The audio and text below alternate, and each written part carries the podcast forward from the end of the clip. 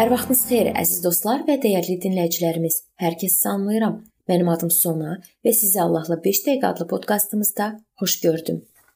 Biz bütün alətlərin təhlükəli olub olmadığını araşdırmaqda davam edirik. Gəlin baxaq, bəs elektron alətlər nə qədər təhlükəlidir? 2016-cı ildə məşhur ABŞ jurnalı Time-da bəşəriyyət tarixində 50 ən vacib alət başlıqlı məqalə dərc edildi. Jurnalın texniki şöbəsi yaxın keçmişdəki ixtiraları mürəkkəbliyinə və ya ixtiraçıların yaradıcı yanaşmasına görə yox, alətlərin cəmiyyətə təsirinə görə analiz etmişdi.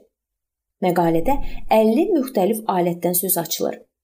Müəlliflərin fikrincə, mədəniyyətimizə ən böyük təsir edə bilən sonuncu belə alət Apple şirkətinin iPhone smartfonudur.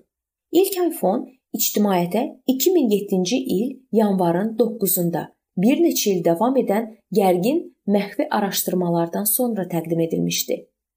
Steve Jobs iPhone-u təqdim etmək üçün San Fransiskodakı səhnəyə çıxanda heç kəsin ağlına da gəlməzdi ki, bu alət cəmiyyətə belə təsir göstərə bilər.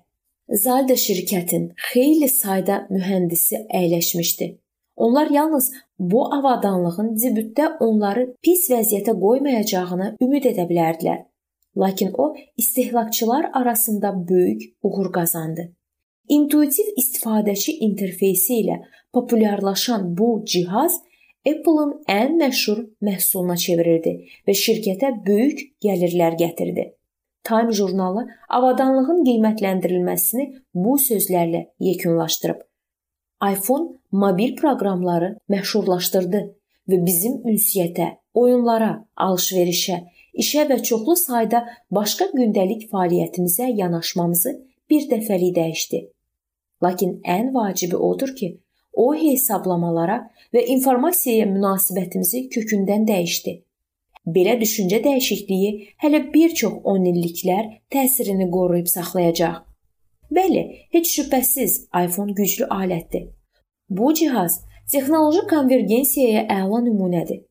Mobil telefonların ilkin məqsədindən zəng etməkdən başqa onlar indi məktub göndərə, kitab oxuya, sosial şəbəkələrdən istifadə, internetdə axtarış edə, radio dinləyə, mətnlərlə yazışa, foto çəkə, film göstərə, hesab ödəyə, GPS sistemi ilə olduğu yeri müəyyən edə və sairə işlər görə bilər.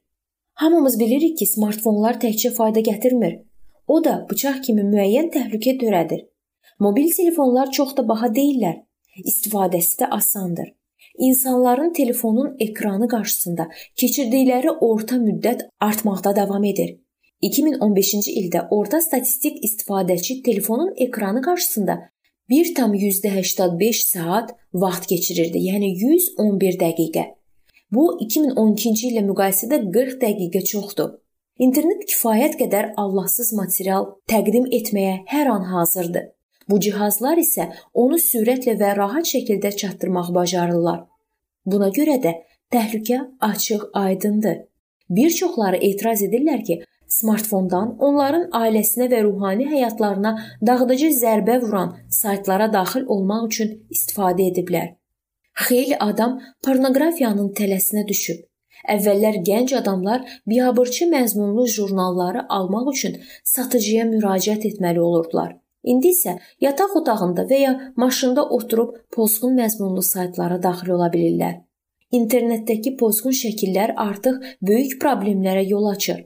Araşdırmacılar təsdiq edirlər ki, Amerikada 40 milyon adam müntəzəm olaraq pozğun saytları ziyarət edirlər. İnternetdən yüklənən materialların 35%-i bununla bağlıdır. Bu, çox sayda adamın bu pozğun materialların təsiri altında olmasından xəbər verir. Ən narahat edici məqam isə odur ki, axtarış sistemləri gün ərzində uşaq pornoqrafiyası ilə bağlı 116 min sorğu emal edir. Beləliklə, eyni smartfon olduqca maraqlı, faydalı alət olduğu qədər də təhlükəli təliyə çevrilə bilər. Bu mövzunun davamını isə növbəti görüşümüzdə olacaq.